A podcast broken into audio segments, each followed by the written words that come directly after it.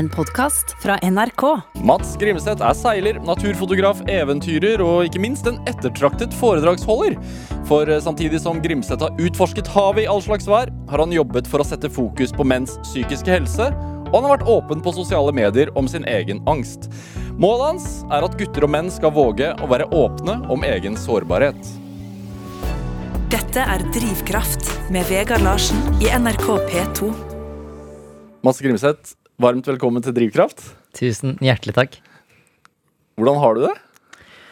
I dag så Jeg er alltid litt sånn Jeg har vært noen runder på det vakre toalettet deres. Ikke for å male for stygt bilde til lytterne, men eh, jeg blir ganske nervøs Ja. når jeg skal eh, snakke, selv om det liksom er én til én. Men eh, Ingenting å være redd for. utenom det så er det veldig bra, egentlig. Ja. Ja. Du svarer oppriktig på, på det spørsmålet. Ja. Er. Der har jeg jobba en del. Altså, det spørs egentlig på dagsformen. For jeg må jo innrømme at selv om jeg er fan av å snakke om hvordan vi egentlig har det, så er det ikke hver dag jeg gidder å lange ut. Så man kan også ta den korte 'ja, det går fint'. Eh, Men eh, nå skal vi jo snakke en time, da, så da kommer man jo inn på både det gode, gode og det vonde, tenker jeg. Men er det, er det for enkelt uh, å svare uærlig på et sånt spørsmål? Det Eller det tror jeg.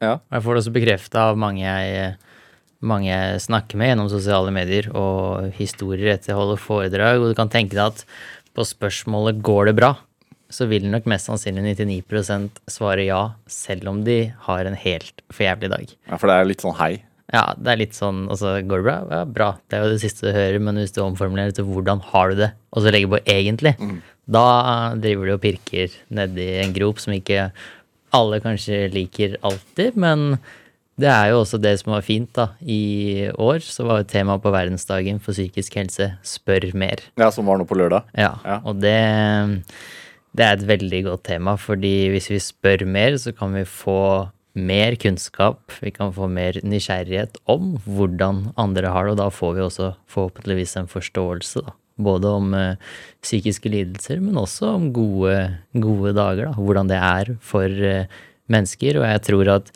jo mer kunnskap og nysgjerrighet vi har, jo flere har lyst til å leve og stå i det de egentlig står i. Ja. Har du eh, Altså, er det en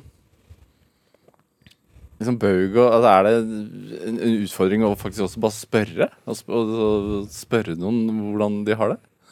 Det tror jeg. Jeg tror det har skjedd en stor endring eh, de siste åra. Og det er jo fortsatt dessverre veldig Spesielt selvmord, da. Det er jo definitivt en av de vanskeligste temaene vi kan ta opp. Og jeg har et ganske godt eksempel der på Det er jo litt synd, men der var det en eh, åtte år gammel jente som hadde en eh, storebror som ikke var så mye eldre eh, i ungdomsåra, som hadde tatt livet sitt. Eh, Og så på skolen, måten de hadde håndtert det på der, var at da skulle De skulle ikke snakke så mye om de, de fikk informasjon om hva som hadde skjedd, eh, men at eh, ja, denne jenta egentlig ikke ville snakke så mye om det. Men så gikk eh, en jente jeg kjenner til, gikk bort og spurte vil du snakke om det. Og så ville hun jo snakke om det. Men det blir liksom lagt opp til at vi skal ikke snakke om sånne temaer. Og det er jo veldig vanskelig, fordi i noen tilfeller så kan man trigge. Eh, definitivt. Men hvis vi er redd for det, så vil jo også den selvmordsstatistikken bare øke, da. Eh, og det er jo vanskelig å ta opp et sånt tema, men jeg tror eh, jeg tror det har skjedd en endring, og jeg håper det kommer til å skje en enda sterkere endring, og at det er like naturlig som å snakke om kjærlighetssorg, da. Ja. Fordi det kan du jo nesten garantere at noen kommer til å oppleve gjennom livet. Og det er liksom Det kan være like fint og sårbart å snakke om kjærlighetssorg som å snakke om at eh, kompisen din har tatt livet av seg. Da. Ja. Er det Ikke for å klandre skoleverket sånn, men burde man liksom vært flinkere til å sette fokus på det tidligere, allerede på skolen, tenker du? Det tror jeg definitivt. Og jeg vil også si at det er utrolig mange flinke som jobber i dette skolesystemet, eller systemet som møter dagens ungdom, da, for å si det på den måten. Og så tror jeg det er veldig mange som eh, ikke tar med seg mennesket på jobb, som ser på elevene som type objekter, og er der for å gjøre en jobb, og så skal de hjem igjen. Uh, og jeg har opplevd det, og truffet mange av de, og hørt mange historier. Og det er jo ingen tvil da, at uh, sånn som verdensdagen, da. Det er én dag i året, og da får skoler over eh, hele landet De får tid, de får midler. De velger selv å bruke midler på å kjenne etter og spørre hvordan elevene virkelig har det. Og det er jo ganske sprøtt. At det er én dag i året? vi bruker én dag i året. Altså, jeg vil jo si, og det er jo selvfølgelig sikkert litt sånn, eh, hva skal man si, vågalt å si, men det er ganske mye vi lærer som har gått ut på dato. Og hvis vi skal være helt eh, ærlige med oss selv, så tror jeg ikke vi lærer ungdommen eh, hvordan de skal takle hverdagen. Personlig økonomi. Altså, du skal få en karakter, så skal du videre til neste skole, så skal du velge et studie, og så er du ferdig. Da trenger ikke de å tenke på deg mer, da. Nei, for det er mye fo altså, Man har jo fokus på kroppsøvning og altså, fysisk helse Mm. i skolen. Og det er jo liksom Det er jo én ting, det. Og bare der skaper det jo problemer, fordi folk syns det er vanskelig å gå i garderoben Ja. med Altså det er ganske rart å si, men nå er det jo en del år siden jeg gikk på skolen. Men øh, hvis du snakka om øh, Ja, hvis du bare så for lenge da på andre gutten sin tiss, så var det jo stempla som homo. Og det er ganske sjukt at jeg var jo også så dårlig at jeg brukte homo som et skjellsord. Homo som er en form av kjærlighet. At vi bruker det som et skjellsord og stempler mennesker etter det. Det er jo bare sprøtt, men sånn var det da jeg var ungdom. Det var liksom normalen, da. Og gjorde jeg ikke det, så ble jeg mobba. Så det ble mitt forsvar for å passe inn i den kule gjengen og takle hverdagen. Så jeg tror og håper definitivt at vi snart får et system som skjønner at vi må begynne mye tidligere å snakke om psykisk helse. Når jeg holder foredrag, så er jeg 60 minutter i livet til noen, og så tør de plutselig å åpne opp om ting de aldri har sagt til foreldrene sine. Og da er de nesten 14 år. Hvorfor tror du at øh, Hvilke trigger er det du uh, er borti? Det jeg får høre, er jo at Sånn som det var for meg, at du ser på en måte utad, så ser jeg jo i hvert fall i feeden ganske rå ut. Fordi jeg har fått til Ja, Du snakker om din, på din ja Instagram. min Instagram eller den sosiale feeden, da. Relativt barsk uh, Instagram-profil. Ja, kan jo si det. Ja.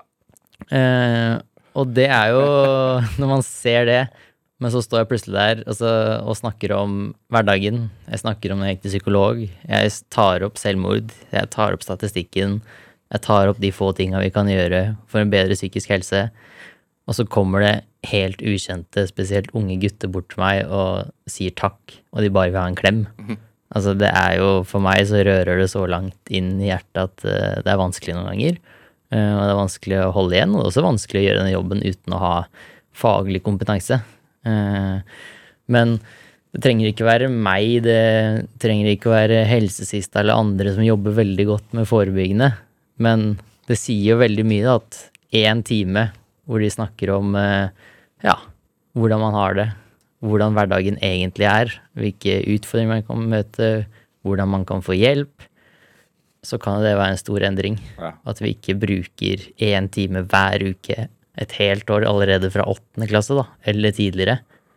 Så tror jeg det ville skjedd en stor endring, og da forhåpentligvis fått bedre hverdag for ungdommene. Men er det litt sånn øh, Når det er verdensdagen for psykisk helse, er det Merker du det? Ringer telefonen ekstra mye da? Vil folk uh, ha, ha Det er det Da må du jobbe ekstra hardt på, rundt det, det tidspunktet hvert år. Ja, verdensdagen for meg er jo på en måte en høysesong. Ja. Uh, og i år har det jo vært veldig, veldig annerledes. Uh, veldig spesielt å ikke, ikke få lov til å reise rundt og holde foredrag. Eh, og jeg er på en måte litt glad for det, for jeg tror det har vært vanskeligere å holde et foredrag, men å så ta den samtalen på to meter unna, og ikke kunne gi den klemmen. I hvert fall når du ser at noen står der og gråter, da. Men jeg var så heldig at jeg fikk spille inn foredraget mitt digitalt. Og det ble også i samarbeid med Verdensdagen sendt rundt til eh, over 50 skoler i hele Norge. Og det har jo tikka inn i innboksen. mm. og det Svarer du på alt du får av henvendelser da? Eller alle, alle spørsmål og tilbakemeldinger du får? Ja, når jeg starta å holde foredrag, så gikk jeg jo i den fella at jeg ville jo hjelpe alle. Eh, og det er jo ikke å legge skjul på at det suger jo energien ut av deg. Eh, for man må jo huske å ta vare på seg selv, som kanskje er det vanskeligste noen ganger. Men eh, etter hvert så fant jeg balansen. Og for mange, som jeg har erfart, så er det på en måte det steget å si det til noen. Det kan være det største og mest hjelpende steget. For da blir det en realitet, det de har grubla på så lenge, om det er godt eller vondt, eller hvordan de har det. Og så er det så enkelt som å gi de et takk, da. Takk for at de er ærlige, takk for at de er modige. Eh, og det kan hjelpe de. Jo, men hvorfor sitter det så langt inne å si det til noen? For det, satt jo langt inne for deg også. Uh, Du var jo hva skal man si, godt voksen før, før, før du sa det til noen selv. Ja, det var jo i ungdomstida mi det planta seg, da. Ja. For det var jo Da var det ingen gutter som snakka om hvordan de hadde det. Eh, Det var ikke det de gjorde i garderoben på fotballkamp. Det var eh, Jeg gikk jo inn i en sånn forsvarsrolle fordi jeg ble mobba. Jeg var ikke en av de kule eh, i starten. Jeg var spinkel og ja, ganske stusslig type. Og så ville jeg jo ikke være han som ble mobba. Så da gjorde jeg alt i min makt for å passe inn. Og jeg blei jo den urolige i klassen, den som blir stempla som en pøbel. Men du så på deg selv som en ganske stusslig type. Ja, det var jo det innblikket jeg hadde, da, etter hva jeg fikk høre. Ja. Eh, Og det blir jo sånn at eh, andre sine ord preger jo veldig. Og det jeg kanskje er mest lei meg for i den perioden, var jo at jeg som visste hvor stor skade få ord kunne gjøre fra andre, jeg begynte jo også å gjøre det samme. Jeg mobba jo andre for å heve meg selv, få respekt av gutta, passe inn, hive ting i klassen, gjøre teite ting, få oppmerksomhet. Jeg ble kasta ut av spanskklassen etter tre uker for å ha satt i norsk fordypning, eller i pøbelklassen som det ble kalt. Um, for jeg ville jo ikke være han som ble mobba. Jeg ville bare passe inn, jeg ville ha venner i hverdagen, jeg ville føle på anerkjennelse og tilhørighet. Og det, det fikk jeg jo på en veldig usunn måte. Og så sa jeg det ikke til noen. Og selv om jeg har verdens fineste mamma, som jeg egentlig vet jeg kan si alt om jeg har gjort noe galt, eller hva som helst, for det har hun sagt hver eneste gang, så hjelper ikke det. Alltid. Fordi vi barn og unge vi blir påvirka så mange andre steder at eh, det er mange som kommer fra helt trygge og fine hjem, som også kan ende opp med å gå helt feil vei. Fordi det er så mye annet vi blir påvirka av. Og det er jo ett sted alle skal, hver eneste dag nesten, fem dager i uka, og det er jo skolen. Og der var det helt andre påvirkninger enn det jeg fikk hjemme.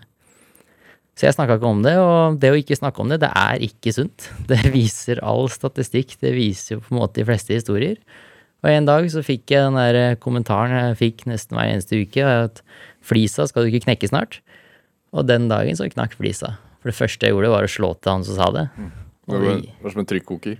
Ja, det, var, det gikk i svart. Jeg husker ikke engang. Og jeg ble jo tatt til sida og utvist pga. vold. Nå skulle min kjære mamma, som har vært over 30 år i politiet, få høre at hennes sønn var utvist pga. vold. Da var jeg lite stolt. Men i det, i det øyeblikket så kom alt ut. Jeg var så sint på alt og alle. Og så får jeg høre at Mats, du skal til BUP. Jeg tenkte faen er BUP for noe? Så får jeg høre at Mats, du skal til psykolog. Da tenkte jeg psykolog, nå kommer de i hvite frakker, ambulanse, låser meg inn på et rom, jeg blir gal. For det var den kunnskapen jeg hadde om hva psykolog var. Det jeg hadde sett på film. Jeg hadde aldri hørt om det i timen eller fra andre ting. Så det blei jo en enighet om at jeg måtte dit da, for å få lov til å komme tilbake i, i skolehverdagen. Eh, Og da kom jeg inn i et uh, helt ukjent rom med en helt ukjent mann og skulle sette meg ned i en stol. Der satt han med penn og papir og skulle begynne å snakke om følelser. Det var, eh, det var ganske rart. Og det, det var ikke sånn det skjedde på én dag. Nei. Men så skjedde et eller annet, og jeg begynte å snakke høyt for første gang i mitt 15 år lange liv hvordan jeg egentlig hadde det. Og da kom følelsen, da kom tårene, og jeg skjønte at det jeg holder på med nå, det er ikke bra. Ja, til han psykologen. ja, Ja. det kommer til å Ja, jeg kommer, til å, jeg kommer ikke til å klare det. Så skjønte jeg at ok, kanskje jeg er spinkel, kanskje jeg ikke er en av de kule gutta, kanskje jeg har en venn som egentlig liker meg for den jeg er, men jeg er Mats, og det er bra nok. Og så måtte jeg begynne å omringe meg med de menneskene som Var det han som lærte deg det, eller var det en erkjennelse du selv kom fram til? Nei, det var jo i samtale med psykologen, da. Ja. Og det er jo Det er på en måte Fordi man treng, trenger den Ja. pushen. Og jeg tror nok det er mange som går til psykolog som bare forventer at de skal ha svara på at sånn her skal du gjøre det. Men psykologen har som regel spørsmåla, og så ligger svara i oss. Vi må bare noen ganger bli veileda, da. Og det er veldig fint å ha noen som ikke er familie, som du ikke har en tilhørighet til, eller en personlig tilknytning til, å snakke med. Men sett i ettertid, altså det var en trykkoker som kokte over til slutt. Hva, hva kunne ha blitt gjort annerledes eh, før det, tenker du? Nei, jeg kunne jo Hva skal man si, gjort mitt da, for å lære å godta meg eh, for den jeg er. Og skjønne at det var bra nok. Det er ikke så lett, da. Det er jo ikke det. I hvert fall ikke nå. Dette er Drivkraft med Vegard Larsen i NRK P2. Og i dag er eh, ja, seiler og foredragsholder Mads Grimseth her hos meg i Drivkraft på NRK P2. Altså, uh, angående ver verdensdagen for psykisk helse det, Og du snakket jo om eh, feeden din, Instagram-profilen din, at den er relativt barsk, og det er den jo. Og du hadde jo tusenvis av følgere der eh, som beundra bildene dine. Skikkelig dyktig fotograf. Eh, Um, og legger ut bilder av, av ekspedisjoner du har eh, og gjort. Masse flotte naturbilder og eh, en del sånn ekstremsportaktige bilder også. Um, men for to år siden også så åpnet du deg der og skrev at du var ikke bare fotograf og du var ikke bare seiler på havene, du, var, også, du sleit også med angst. Mm. Var det, var det en hvorfor, hvorfor tenkte du at det var en god idé å, å, å være åpen på sosiale medier om det? For meg eh, de siste årene så har en stor del av min terapi vært å skrive ting ned. Eh, tanker, følelser, historier, gode, vonde. Eh, for å få det ut av huet og liksom ha det et sted. Eh, og Hva hjelper det? Nei, sortering eh, for meg. Å slippe at eh, jeg, kverner huet mitt nok daglig. En sånn evig tørket rommel som går. Er det det som er Altså Hvis du skal beskrive din egen sånn Ja, Beskrive det som en i situasjoner, så kan det være at det er som en tørket rommel, da. Som bare går på høyer. Eh, til tider også når man vil sove. Og da Det har jo blitt bedre med tid, men på de vonde dagene så er det jo sånn. Og det jeg har brukt de siste årene, er å skrive det ned. Og få det ut og sette ord på det. Eh, og det har vært, eh, vært veldig fint, veldig hjelpende. Jeg har skrevet ned masse jeg sikkert aldri kommer til å dele. Men så var det var det denne verdensdagen som er en såpass viktig dag. Eh, og jeg har sikkert skrevet om den teksten 10-20 ganger. Jeg har lagra den, kasta den hit og dit, og så våkna jeg en morgen i en seilbåt i Bodø. Og jeg hadde med morfaren min, som er min største helt, på tur. Og mm, satt der aleine, og så var det litt sånn Nei, nå, nå skal jeg gjøre det. Og så var jeg jo klamsvett og alt, og så trykka publiser, satt på flymodus og satt på flymodus. ja, ja, jeg satt på flymodus og gikk, eh, gikk og jobba på båten. Og gjorde noe jeg hadde kontroll på. Eh, For der slapp jeg ganske mye kontroll. Mm, Og da valgte jeg å dele det at eh, de siste årene, egentlig helt fra videregående, hele videregående, så hadde jo ikke jeg, eller hele ungdomstiden min, så hadde jeg ikke noe tilhørighet, jeg hadde ikke noen vennegjeng. Jeg blei ikke invitert. Jeg inviterte meg selv. Og mm, helt siden videregående så har jeg bare jobba. Og det har vært dritkult. Det har vært drømmen min. Jeg har jo fått til ting få unge vil få til på den tida. Jeg har seilt steder få mennesker vil være. Men jeg dro fra oppdrag til eventyr til oppdrag til eventyr, og forholdt meg ikke til hverdagen. Og jeg var alltid på reise, da. Jeg jobba, så ble jeg litt syk, og så jobba jeg igjen. Og bare peisa på, og så kom eh, Det er sånn at jeg har følt på det før, men så kom det en situasjon i Sogndal hvor jeg faktisk var invitert til en 17. mai-fest, som for meg var veldig, veldig fint. Eh, hadde til og med flørt der, som var ekstra god, god kombinasjon. Men så sitter jeg i det selskapet, og så tenker jeg sånn som jeg alltid gjør i sosiale settinger, er sånn Hva skal jeg snakke om? Eh, hva tenker du om meg? Er jeg bra nok? Og så bare begynner det å gå på høygir og høygir, og så plutselig så bare Jeg er klamset, jeg blir så kvalm at jeg må på do, og så kommer det bare sånn svart teppe som kommer over, over alle tanker og sanser. Og jeg bare mister det helt, da. Og trekker meg bort fra det selskapet. Og det var den dagen jeg skjønte at uh, sosiale settinger Hadde jeg kommet til det selskapet, hadde jeg hatt et kamera, så hadde det ikke vært noe problem. Hvis du var på jobb. Ja, for da har jeg For meg så har jeg noe jeg kan lene meg på. Og så har jeg noe de ønsker. For det er det jeg sliter med. At hvis jeg ikke har kamera, hvis jeg er der som bare Mats, så er jeg usikker på om jeg ønska. Uh, for bare den jeg er. Og det er vondt å føle på. Og det er jo det som er, eller som er betegnelsen da som sosial angst. Og du kan se for deg at uh, hvis du løper et maraton er i sånn passe dårlig form, så må kroppen hvile. Og for meg så er det sånn sosialt at en tacokveld, hvor jeg er invitert, som jeg har gjort i Ålesund, hvor jeg nå bor, som har vært veldig fint for meg. Jeg har fått nye venner som jeg vet jeg kan være meg selv med. Men en tacokveld for meg, så er jeg i beredskap hele tida. Og det er som en maraton. Og da må jeg fort hvile én til tre dager etterpå, hvor jeg nesten ikke takler de rundt meg. Og det er eh, Det er også det som gjør at man noen ganger trekker seg unna, da. Og skaper unnskyldninger for å ikke møte opp. Og det er ganske sjukt at det eneste jeg har ønska hele livet mitt, er jo å bli være ønska for den jeg er. Være inkludert. Ja, ha venner som liksom spør Hei, Mats, vil du komme over? Ja, det er egentlig de fleste føler på, men samtidig så mange ikke føler på. Og så når jeg først blir invitert, så kan det være at jeg feiger ut. Fordi kanskje det ikke er riktig dagen, og jeg vet at jeg takler det ikke. Eller at jeg har lyst, men ja. Du bare tenker på alt som kan gå galt, da. Men er det Er det bedre å invitere, og så kan man, får man heller eh, Det er bedre å bli invitert, så kan man si nei.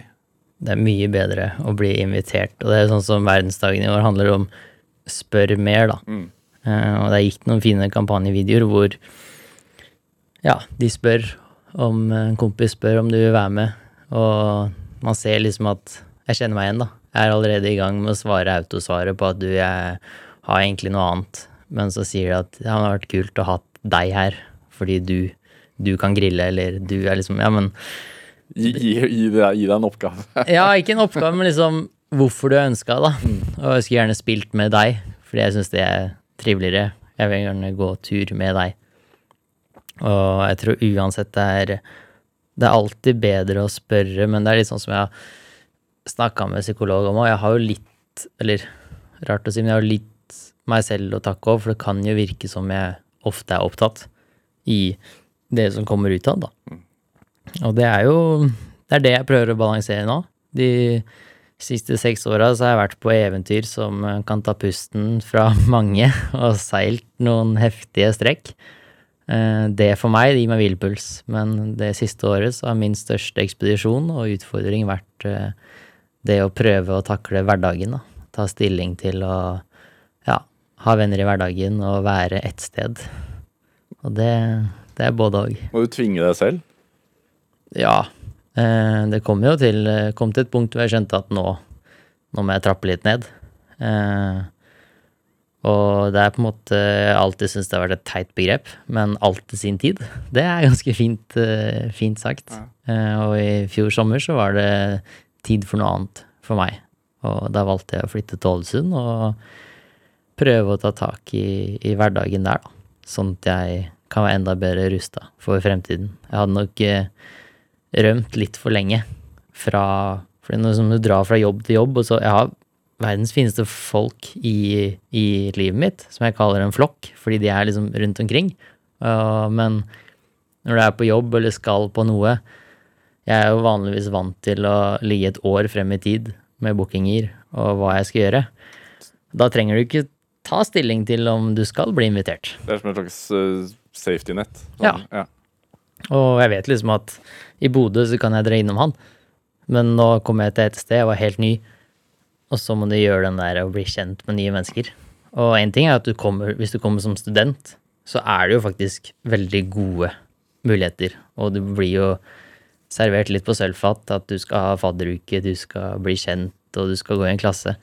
Men jeg kom hit, jeg var jo etablert frilanser, og det var liksom Plutselig så hadde jeg mye mer tid utenom jobb. Og det var eh, Hva gjorde du da, da? Nei, da gjorde jeg jo det som på en måte har vært min go-to, da. At jeg, jeg skrev det. Eh, jeg skrev 'Hei, Ålesund'. Eh, ja, jeg visste jo om noen som liksom bodde der, da. Men eh, jeg skrev det på den måten, og så mm, har det jo Det har jo kommet seg. Og jeg jobber jo stadig med den sosiale delen, men jeg har jo Skal jo også si at selv om det kan gå i svart for meg i det, så med tid og innsats, da, så kan man gjøre det. Ikke sånn at jeg vil ha sosial angst resten av livet mitt. Det er jo derfor jeg eksponerer meg. Det er derfor jeg prøver tacokveld. Ja. Eh, Det er derfor jeg går på tur med andre, selv om jeg går bakerst og tenker på går jeg fort nok, er, jeg, er dette bra nok, faen skal jeg snakke om? Før jeg har kommet dit, så har jeg på en måte gått gjennom alle mulige temaer, da. Og så blir man bare stum. Men hvorfor er det så viktig å overvinne det og faktisk kunne klare å være med på den tacokvelden? Eh, Det er jo Hvis jeg ikke klarer det, da, så tror jeg jo aldri jeg vil liksom klare å være sånn sosial, da. Eh, Og det er jo Det er jo så enkelt for noen, men så vanskelig for andre. Men det kan jo også sammenlignes med at det er mye enklere for meg å seile opp til 80 grader nord. Det er ikke så mange andre som syns det er enkelt. Men det er liksom Det er der jeg tror, og det er jo derfor jeg gjør det her, sitter her, at vi trenger mer kunnskap. At for noen så er liksom den fredagskvelden Jeg kjenner folk som jobber med turisme, som sitter i resepsjonen og snakker flittig med mennesker som kommer innom, men møter ikke opp på fest. Fordi da er du ikke på jobb. Nei. Da har du ikke det du lener deg på. Jeg lurer på Altså For to år siden så la du jo ut den, eh, den eh, historien din på, på Instagram-profilen, og så trykka du flymodus, sa du, Ja. og gikk og jobba i båten. Hva skjedde da du trykket av flymodus igjen, da? Nei, da ble jeg jo jeg ble rørt, og så ble jeg jo veldig overraska. For hva Fordi responsen var enorm. Men det som overraska meg mest, var jo at det var jo Det var folk jeg så opp til, som hadde sendt meg melding. Eh, gode fotografer, ekstremsportutøvere, som sa takk for at jeg satte ord på det de har følt. Og da var jeg sånn, hallo, dere, hvordan kan du ha følt det? Akkurat som folk kanskje ser på meg noen ganger. Fordi du Det var folk som også hadde barske Instagram-profiler? Ja, og folk jeg liksom så opp til, da. Som tenkte at de der er jo helt rå. Men man kan jo være rå og ha en hverdag og ha en psykisk helse, fordi det har jo alle. Så responsen var jo overveldende, og det tok ganske lang tid å gå gjennom og ta det til seg, men det var jo også det som blei min eh, driv videre, da. På at her eh, Det er så lite som skal til. Det er faktisk så lite som skal til, og det er ikke sånn at alle må blogge om det og ditt og datt. Alle må ikke holde foredrag, men det er så enkelt som å spørre, da. På privaten også. Sende den meldinga, eller ringe noen og høre du, hvordan går det egentlig. Og ja. Spør mer, rett og slett. ja, spør mer, som de sier i år. Eh, Mads Grimseth, du har med litt musikk. Jeg har med musikk. Du har med en Sondre Justad-låt. Eh, hvorfor det? Snart klar heter den. Nei, det Sondre Justad med sin musikk tror jeg har hjulpet utrolig mange, også gutter. Hvorfor det? Eh, nei, fordi han er flink til å sette ord på det. Og så er han jo jævla flink til å synge, da. Eh, og det er veldig gøy. Jeg hadde med Sondre på seiltur, faktisk, i 2015. Og han er også sånn Selv om han liksom er dritkjent og fått det til, så beviser han liksom så fint at han er, han er menneske. Mm. Eh, og det den Snart klar-låta, det har vært min go to-låt de siste fire-fem åra. Um, fordi det handler jo veldig om eh, For meg så appellerer det til at eh, båten er snart klar, og jeg skal ut og seile. Men man kan også være få roen før tacokvelden, eller noe annet man står overfor, og jeg tror denne låta kan gi ro til de som trenger det, og mot. Ja, den gir det til deg, i hvert fall. Det gjør den.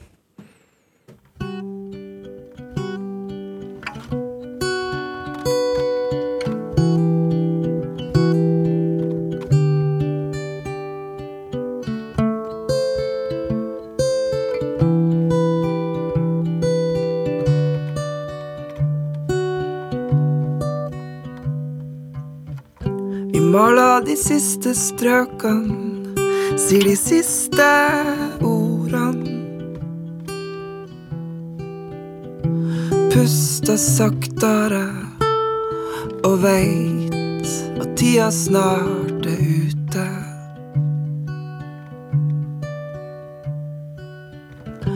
Vi har vært høgt og lavt, nå er vi midt imellom. Snart klar til å seile ut på åpent hav. Til en ny start.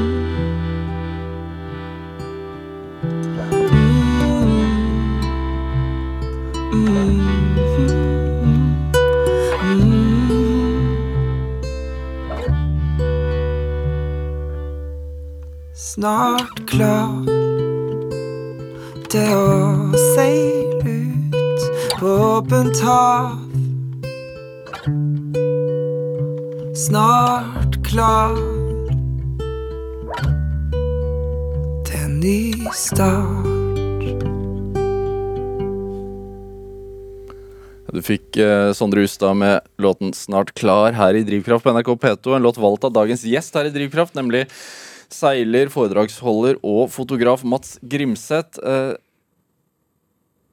nå skjønte du at du var flink til å ta bilder.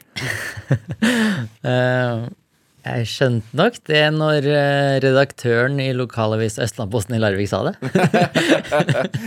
Ja, Når startet interessen, da, for å stille spørsmål på den måten? Interessen for bilder eh, starta helt tilfeldig. Eh, I denne kampen om å passe inn så gikk jeg på fotball som alle andre. Jeg var ikke så flink i det hele tatt. Det var ikke min greie. Så var jeg skada etter en sykkelulykke etter fotballtrening. Da måtte jeg ligge flere uker på sofaen. Da tok jeg opp kameraet til samboeren til pappa. Når jeg tok opp det kameraet, så følte jeg på sånn rar nysgjerrighet. Jeg var så sinnssykt nysgjerrig på hva skjer hvis jeg trykker på den knappen der, og jeg hadde, liksom, jeg hadde aldri tatt i kamera før. Og så det som var så fint, var at selv om jeg ikke kunne noe, og trykte på noen knapper, og plutselig tok jeg bilde, men når jeg holdt på med foto, så var det første gang i livet mitt jeg gjorde noe som gjorde meg glad. Og jeg er oppvokst ute ved kysten, så jeg bare begynte å Jeg tok bilder av alt. Fugler utafor kjøkkenvinduet, og blomster, og hadde med meg kamera på tur. Og etter hvert så begynte jo den interessen virkelig å gro, da. Og når jeg var eh, Ja, når jeg var 15 år, skulle jeg være utplassert i tre dager for å samle inn penger til skoleprosjekt. Og jeg var så heldig å få plass i Østnaposten i Larvik. Og kom dit og var supernervøs, men fikk lov til å henge på han som var fotograf. da. Og her kom jeg inn. altså Jeg var starstruck av en lokalavis, som er eh, både òg. Men her var det profesjonalister, her var det profffotografer. Jeg fikk lov til å henge på han fotografen. Og jeg hang så på første dagen at på dag nummer to så hadde han funnet fram en stol to meter bortenfra, så sa han 'sitt der, Mats'. For jeg, jeg var nok litt uh, I veien. jeg var nok litt i veien og litt for ivrig. Og siste dagen så skulle jeg egentlig gå hjem i firetida. Klokka hadde bikka seks, og jeg satt på samme stolen. Og jeg er ganske sikker på at de som var på jobb, begynte å bli litt sånn lei av han, eh, han som spurte spørsmål. Og akkurat da jeg skulle gå hjem, så gikk det en alarm i bygget som gikk hver gang det skjedde noe i byen. Det brant oppe ved sykehuset. Journalisten på jobb han spratt opp og gjorde seg klart. Så spretter jeg opp og spør om jeg ikke kan være med. Ser ganske rart på meg, og så tenker han ja, hvorfor ikke? Så kom jeg opp dit, og så fikk jeg bilde av en dame som klatrer ut av det brennende huset. Du tok. Ja, Og det bildet blei forsida på lokalavisa dagen etterpå. Og den dagen så var det første dagen i livet mitt jeg følte på sånn lite snev av mestring. Og tenkte sånn shit, kanskje jeg kan få til noe, kanskje jeg duger til noe.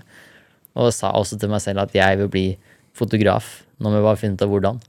Men hvorfor tror du altså Du sier at det var første gang i livet ditt du følte at Følte på mestring, også når du tok opp det kameraet, at det var første gang du følte på noe som gjorde deg glad. Altså, du var jo ung, da. Hva, hva, Hvorfor var det sånn, tror du? Hvorfor var det så mørkt? Nei, det var jo den derre delen med at jeg gjorde så mye for andre. Eh, ikke alltid i en positiv form da, men jeg gjorde så mye Men fra du var, helt, fra du var veldig liten? Nei, det er jo fra ungdomstida, barneskolen, siste år på barneskolen oppover. Uh, alt det før det husker jeg ikke så mye av uansett, men uh, jeg gjorde jeg brukte så mye energi da, på å imponere andre, uh, gjøre det de likte. Fordi det var det vi skulle gjøre. Og når jeg kom hjem da, så er det litt sammenligna med etter maratonskveld. Jeg lå bare i senga uten Er, er det en sånn et, et spor man kommer inn i selv? Altså at man velger selv som, som så liten, tror du? At man ser ikke noen annen vei enn å prøve å please de andre eh, klassekameratene? Ja, det tror jeg. Ja. Og det har jeg på en måte fått bekrefta når jeg reiser rundt og holder foredrag, at uh, selv de som er den populære jenta, Ja. det er også de som syns det er vanskeligst. Fordi de føler at de skal leve opp til det. Uh, og ironisk nok så er det jo liksom jeg som har satt meg i den posisjonen. Men eh, det er jo sikkert en god kombinasjon da, av inntrykk på skolen og lære hvordan man skal håndtere det og seg selv. da. Hva, altså, det, det med fotograferingen, altså hva For du, du blir jo etter hvert oppdaga av Red Bull, eh, Photographers, eh, og, og, og blir tatt med eh, Hva skal man si, i deres stall. Ja, det kan man jo si. Jeg ble plukka ut når jeg var allerede 17 år. Ja. Eh, Hvordan skjedde det? Det var gjennom surfing. eh, Der jeg vokste opp, og der jeg har tatt mest bilder, er en uh, surfespot utafor Larvik. Og han ene som surfer der, som jeg har tatt mye bilder av, han jobba i Red Bull. Så han eh, sa videre at eh, kanskje han her er noe. Så var jeg 17 år, og da fikk jeg lov til å være med på første eventet med Red Bull eh, her inne i Oslo. For du var jo 16-17 år gammel og var på stranda og tok masse bilder av surferne. Ja, Det er ganske modig det også, da, å oppsøke sånne miljøer og Ja, det satt mye på avstand, vet du. Jeg satt jo bare aleine og tok bilder av folk i vannet. Ja. Eh, så det gikk jo ganske fint. Det var verre å møte opp på min første event for Red Bull, og her var det jo bare profffotografer. Og jeg var så gira, jeg var så på. Og Hvor var det? det var i Oslo. Ja. Eh, og noe som het eh, eh, Red Bull sparkestøtting, hvor de skal kjøre en sparkestøtte ned et skitrekk. Som er ganske idiotisk, men veldig underholdende. Og gi gode bilder. Og da var det jo Gjorde mitt beste, da. Og hørte egentlig ikke så mye etter det. Og tenkte litt ja ja, men nå har jeg vært der. Men så, når jeg hadde blitt 18 år, så fikk jeg en ny telefon om de ville sende meg på noe som heter Red Bull Photographers Academy, da, et fotoakademi i regi av Red Bull internasjonalt, hvor åtte fotografer i hele verden blir plukka ut hvert år. da. Et ganske trangt nåløye. Ganske trangt nåløye når det er ganske mange flinke fotografer. Eh, Så da ville de sende meg ned dit, Red Bull Norge, og de gikk jo inn med det som trengtes, og jeg fikk fri fra skolen og var nede der i fem uker. Og det, det var nok det som endra i hvert fall fotoverdenen min. Hvordan da? Og- Nei, I løpet av fire uker så fikk jeg nesten ett år med fotoutdanning. Jeg hadde fire profesjonelle fotografer. Eneste jobben deres var å følge meg hver dag i fire uker. Og det, det er intenst, men utrolig spennende Men tenk, tenkte du når du ble tatt ut der, tenkte du at jeg er faktisk ganske flink? Nei, da var jeg mer noia for å levere. Eh, og jeg fikk jo smake på det at selv om dette var drømmen min, så satt jeg jo på et lite kott når det var 17. mai hjemme i Norge, og alle andre hadde det fint. Og der hadde jeg sittet, og jeg følte jo på tvil nesten hver eneste dag.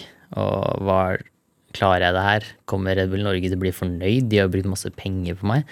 Og, men det er ganske naturlig, da å ha den tvilen, og det er naturlig å måtte ofre hvis du virkelig vil få til en drøm. Eh, om du vil bli fotballproff eller fotografproff, så ofrer jeg på samme måte.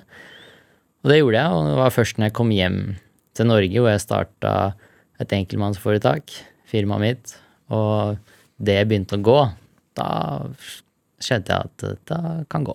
Hva, hva, hva, hvordan jobber du når du jakter motiv? Mm. Hva er hemmeligheten? Hva er hem hemmeligheten er å ta Masse bilder. så får du et godt bilde. Ja. Nei, det er Jeg får det spørsmålet liksom, hva skal til? Nei, du må ta bilder. Du må bare ta masse bilder hele tida, så er det jo sånn at noen får det til, og noen får det ikke til. Sånn er det. Eh, og noen har det, og noen har det ikke. Og jeg har basert meg på å være litt mer sånn øyeblikksfotograf. Eh, jeg har prøvd det meste, men eh, jeg mener at ute så har jeg nok av de bakgrunnene jeg trenger. Jeg trenger ikke studio for å skape det. Jeg har naturlig lys, jeg vil bruke det. Og det er på en måte det jeg har valgt å fokusere på. Og ha litt eh, ekte øyeblikk. Hva er det av deg i bildene du tar, tror du? Det er vanskelig å si, altså. det det veit jeg ikke. Nei, men hva ser du etter? Nei, jeg ser etter det. Jeg syns det ser bra ut. Ja. Eh, og det er på en måte Jeg har jo lært om både det gylne snitt og masse sånne tekniske ting. Men jeg må innrømme at jeg aldri tenker på det når jeg tar bilder. jeg tenker på om det er for lyst eller for mørkt, og hvordan det ser ut. Og så funker det noen ganger. Men har du alltid vært en som er flink til å se? Ja, jeg tror jeg har blitt det med tid. Uh, flink til å se ja, øyeblikk, da. Og, motiver. Og folk også, vil jeg Ja, etter hvert folk, da. Ja. Men eh, jeg var nok ikke det i starten, nei. Hva, altså øh, Flere ble jo etter hvert oppmerksom på deg som fotograf. Og du, øh, jeg tenker på du har et samarbeid med, med Anja Hammerseng Edin og, og, og kona hennes Gro også. Hva, har, hun betydd for deg? Anja har nok betydd eh, veldig mye for meg. Eh, jeg var eh, 17 år, og da via ØP så hadde jeg, dekte jeg LHK, da, Larvik håndballklubb, eh, nesten hver eneste kamp. Og det var jo Anja sa det faktisk sist nå i helga at eh, ja, hun så meg, så så hun noen som så annerledes. Og det var det hun trengte, for hun holdt mye foredrag om det å være fearless, fryktløs. Og da når jeg var 17 år, så lurte hun på om jeg ville være med på et foredrag og ta, ta bilder. Og det var jeg jo litt sånn Lurte på om jeg hadde ringt feil. Men eh, det, jeg blei med, og jeg husker veldig godt det første oppdraget hvor jeg satt eh, jeg satt i bilen med Anja Gro Hammerseng Din, to av verdens beste håndballspillere. Og jeg var så starstruck. jeg, jeg lurte på i alle dager skal jeg tilføye den samtalen her. Dette er jo verdensmestere. Man blir jo, Det er sånn rart, men man blir jo helt fjern. Og så begynner man å snakke litt, og så skjønner man at ok, kanskje de har fått til det få mennesker får til, men de har jo starta på null, akkurat som meg og deg, og de er jo like sårbare som oss. Og mm, det var jo veldig fint, for Anja og Gro blei De er familie. Eh, og det er jo sånn, da kan man også tenke på hva er det som definerer familie. For meg så er det mengden av kjærlighet. Eh, de bodde nede i gata, jeg fikk lov til å komme dit så mye jeg ville. Jeg begynte å passe sønnen deres Mio, og det blei en lillebror, da. Og da Det Anja Gro har lært meg mest, var jo det at Det var jo ikke sånn at jeg ikke visste at det var mulig å være to jenter og elske hverandre. Men eh, det å være to jenter og elske hverandre og få barn og være toppidrettsutøvere, for å si det mildt, da fins det ganske mange rasshøl som har meninger om det. Eh, og jeg var jo så heldig, det var jo der jeg også virkelig fikk bekrefta at jeg tar øyeblikk, da. For jeg fulgte de i flere år og tok bilder som ingen fotografer nok kommer til å få lov til å ta. Og hang på det i mange situasjoner, og vi utvikla da boka Anja pluss Gro lik Mio. Eh, kunsten å få barn. Eh, og det, det at de hadde trua på meg, og det de har lært meg om livet, om eh, kjærlighet, hvordan man skal være mot andre, fryktløshet, hvor mye de bryr seg om eh, andre, hvor mye de har stått i, det har betydd eh, enormt mye for eh, min utvikling. Ja, det er jo Gro, Gro Hammerseng din er et annet drivkraft og- også, hvis man vil høre på det på podkast. Jeg vet du har vært involvert i også lanseringen av Team Fairless, som de akkurat har lansert nå. Eh, Dette med seiling For, for det er interessant, syns jeg, fordi at du, du sier at en tacokveld kan være nesten uholdbar og, og eh, tøff, mens du kan liksom seile på, på de sju hav, holdt jeg på å si, uh, når det blåser, blåser, blåser som verst, og det er du ikke redd for i det hele tatt? Nei, det har jo kommet med tid. Det er jo ikke sånn at jeg kjøpte meg en seilbåt og var eh, fryktløs. Uh, Men hvorfor dro du ut på havet? Jeg er oppvokst i kysten, og mm, jeg har alltid hatt en tiltrekning mot havet. Jeg kjørte jolle fra før jeg fikk lov til å kjøre jolle. Og den største Hva skal man si? Det handler om relasjon, da. Og det største for meg var at eh, eh, mamma og pappa skilte seg i 2003, hvor jeg ikke var så gammel. Eh, og da har jeg en morfar som bor i Bergen, som hadde faktisk motorbåt, men han, eh, han tok meg dit en uke hver sommer, hvor vi skulle ut på havet, bare han og meg, og sørga for at jeg hadde en uke i livet hvor alt var fint. Og jeg var jo altfor ung for å få lov til å legge til med den store båten. Men han så Hvor gammel var du da? Herregud, jeg var jo bare ti år, ikke sant. Jo, men han så, ikke, han så ikke begrensninger, da. Han eh, lot meg prøve og hadde trua på meg og viste at det var mulig. Og det var en sånn god relasjon som la seg i bakhuet. Og så Hva betydde den uka? Nei, akkurat den perioden så betydde nok alt. Eh, Det var eh, Det var jo så høydepunkt, og jeg tok bilder og lagde video på DVD til eh, morfar som han kunne se på, og han trekker den jo fortsatt fram. Så det har skapt en hel, helt spesiell relasjon mellom oss. Det gjorde jo at havet var liksom Det var et positivt sted. Mm. Det var ikke sted som dømte. Et fristed? Ja, så da hadde jeg jobba litt da for Østlandposten og tjent penger, og da jeg var 17 år, så kjøpte jeg min første seilbåt. Det var bare 22 fot, og hadde ikke peiling i det hele tatt. Det skal jo også sies at faren min har jo seilt hele livet, men i den perioden vi flytta til eh, Larvik, så hadde vi ikke seilbåt lenger. Men uh, han reiste fra Svalbard for å være med meg og seile, seile den båten hjem. Og når vi to er på en seilbåt, så trenger man nesten ikke å prate. Fordi det, det er, da er det greit. Og han har eh, hjulpet meg og vært kritisk og stilt de riktige spørsmålene og fått det til. Og så er det jo mamma som alltid har Ja, ja, du får nå bare prøve og feile og finne ut av det, og hadde ikke noe peiling. Men når jeg fikk den, eh, jeg fikk den seilbåten, så det blei mitt fristed. Uh, og det var samme om jeg seilte sidelengs, baklengs, datt i sjøen og dreit meg ut, så fikk jeg føle på mestring, glede og frihet. Eh, og det blei mitt sted hvor jeg kunne Hvor jeg slapp at noen sto over skuldrene mine. Og det mm, Det gjorde ekstremt mye. Og det blei definitivt min redning i, i hverdagen. Så det kan liksom, når du blå, blåser som hardest der ute, så føler du deg liksom ordentlig fri? Ja, når eh, Der er jo jeg bygd annerledes, så det har jo kommet med erfaring. Jeg har jo seilt i seks år. eh, Og når det blåser opp til storm, så setter jeg på hvilepulslista mi, og så har jeg kontroll. Eh, Fordi da, da er det små marginer til tider, og spesielt når man har et sikkerhetsansvar da, for eh, folk som er med. Ja. Da Hvem er det du har med deg på tur? Det starta jo i 2015 at jeg hadde en drøm om å seile langs kysten for å oppleve. Fordi hele ungdomstida mi så hadde jeg jo brukt tid på å jobbe. Men nå kom jeg dit at nå vil jeg gjøre noe annet. Og jeg hadde ikke vært så mye i naturen. Jeg var dritredd for å gå i fjellet. Og ja, hadde ikke så mye peiling. Jeg var høydeskrekk, da. Det er jo, det er jo skummelt, de greiene der. Eh, Men så Det var én ting at jeg ville ut på mitt eventyr. Men så hadde jeg lyst til å ha åpen seilbåt. Jeg hadde lyst til å invitere fremmede, samme hvem du var, hvor du kom fra. Om bord hos meg så skulle alle være velkommen. Og jeg ville prøve å legge fordommer og forventninger til side, og møte mennesker sånn som jeg skulle ønske jeg ble møtt som ungdom. Og det spredde seg ganske fort. I løpet av ett år så seilte jeg fra Larvik til Tromsø og tilbake igjen. I løpet av det året så hadde jeg med meg 45 mennesker jeg aldri hadde møtt før de sto på kaia.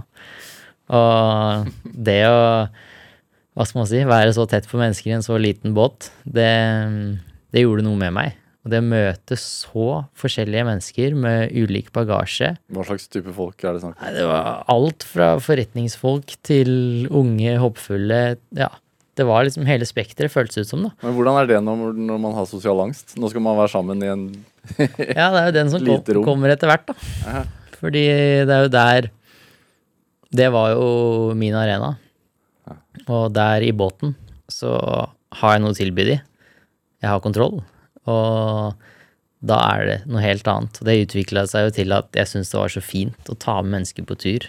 Og kunne tilby de tilhørighet og anerkjennelse. At alle fikk føle på mestring, uansett, i løpet av en uke.